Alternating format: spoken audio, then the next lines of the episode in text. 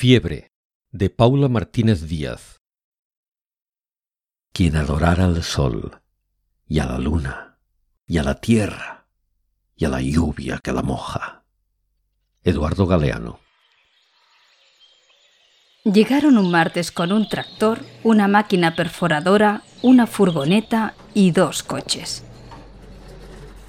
Se habían enterado de que una paisana de la aldea había encontrado sus patatas teñidas de plata y esmeralda y venían en busca de su parcelita de riqueza. Pasaron 28 días yendo y viniendo. Se quedaban en una pensión del pueblo de al lado y traían sus bocadillos y sus cafés encima. Auscultaron el suelo del derecho y del revés y no encontraron nada. El día que se fueron, Elvira, la única niña que vivía allí, soltó la dedalera que explotaba y les dijo adiós con la mano. Se levantó de la carretera y se metió en el huerto.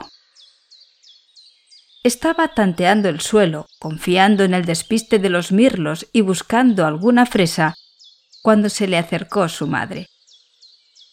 Le dio un beso tan pequeño como una mora pequeña.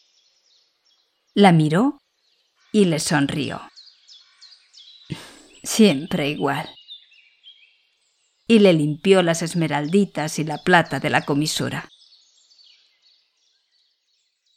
Relato ganador del concurso de microrelatos de la Biblioteca Esteba Palutzí de Barberà del Vallès de mayo de 2021. Grabación en veu alta.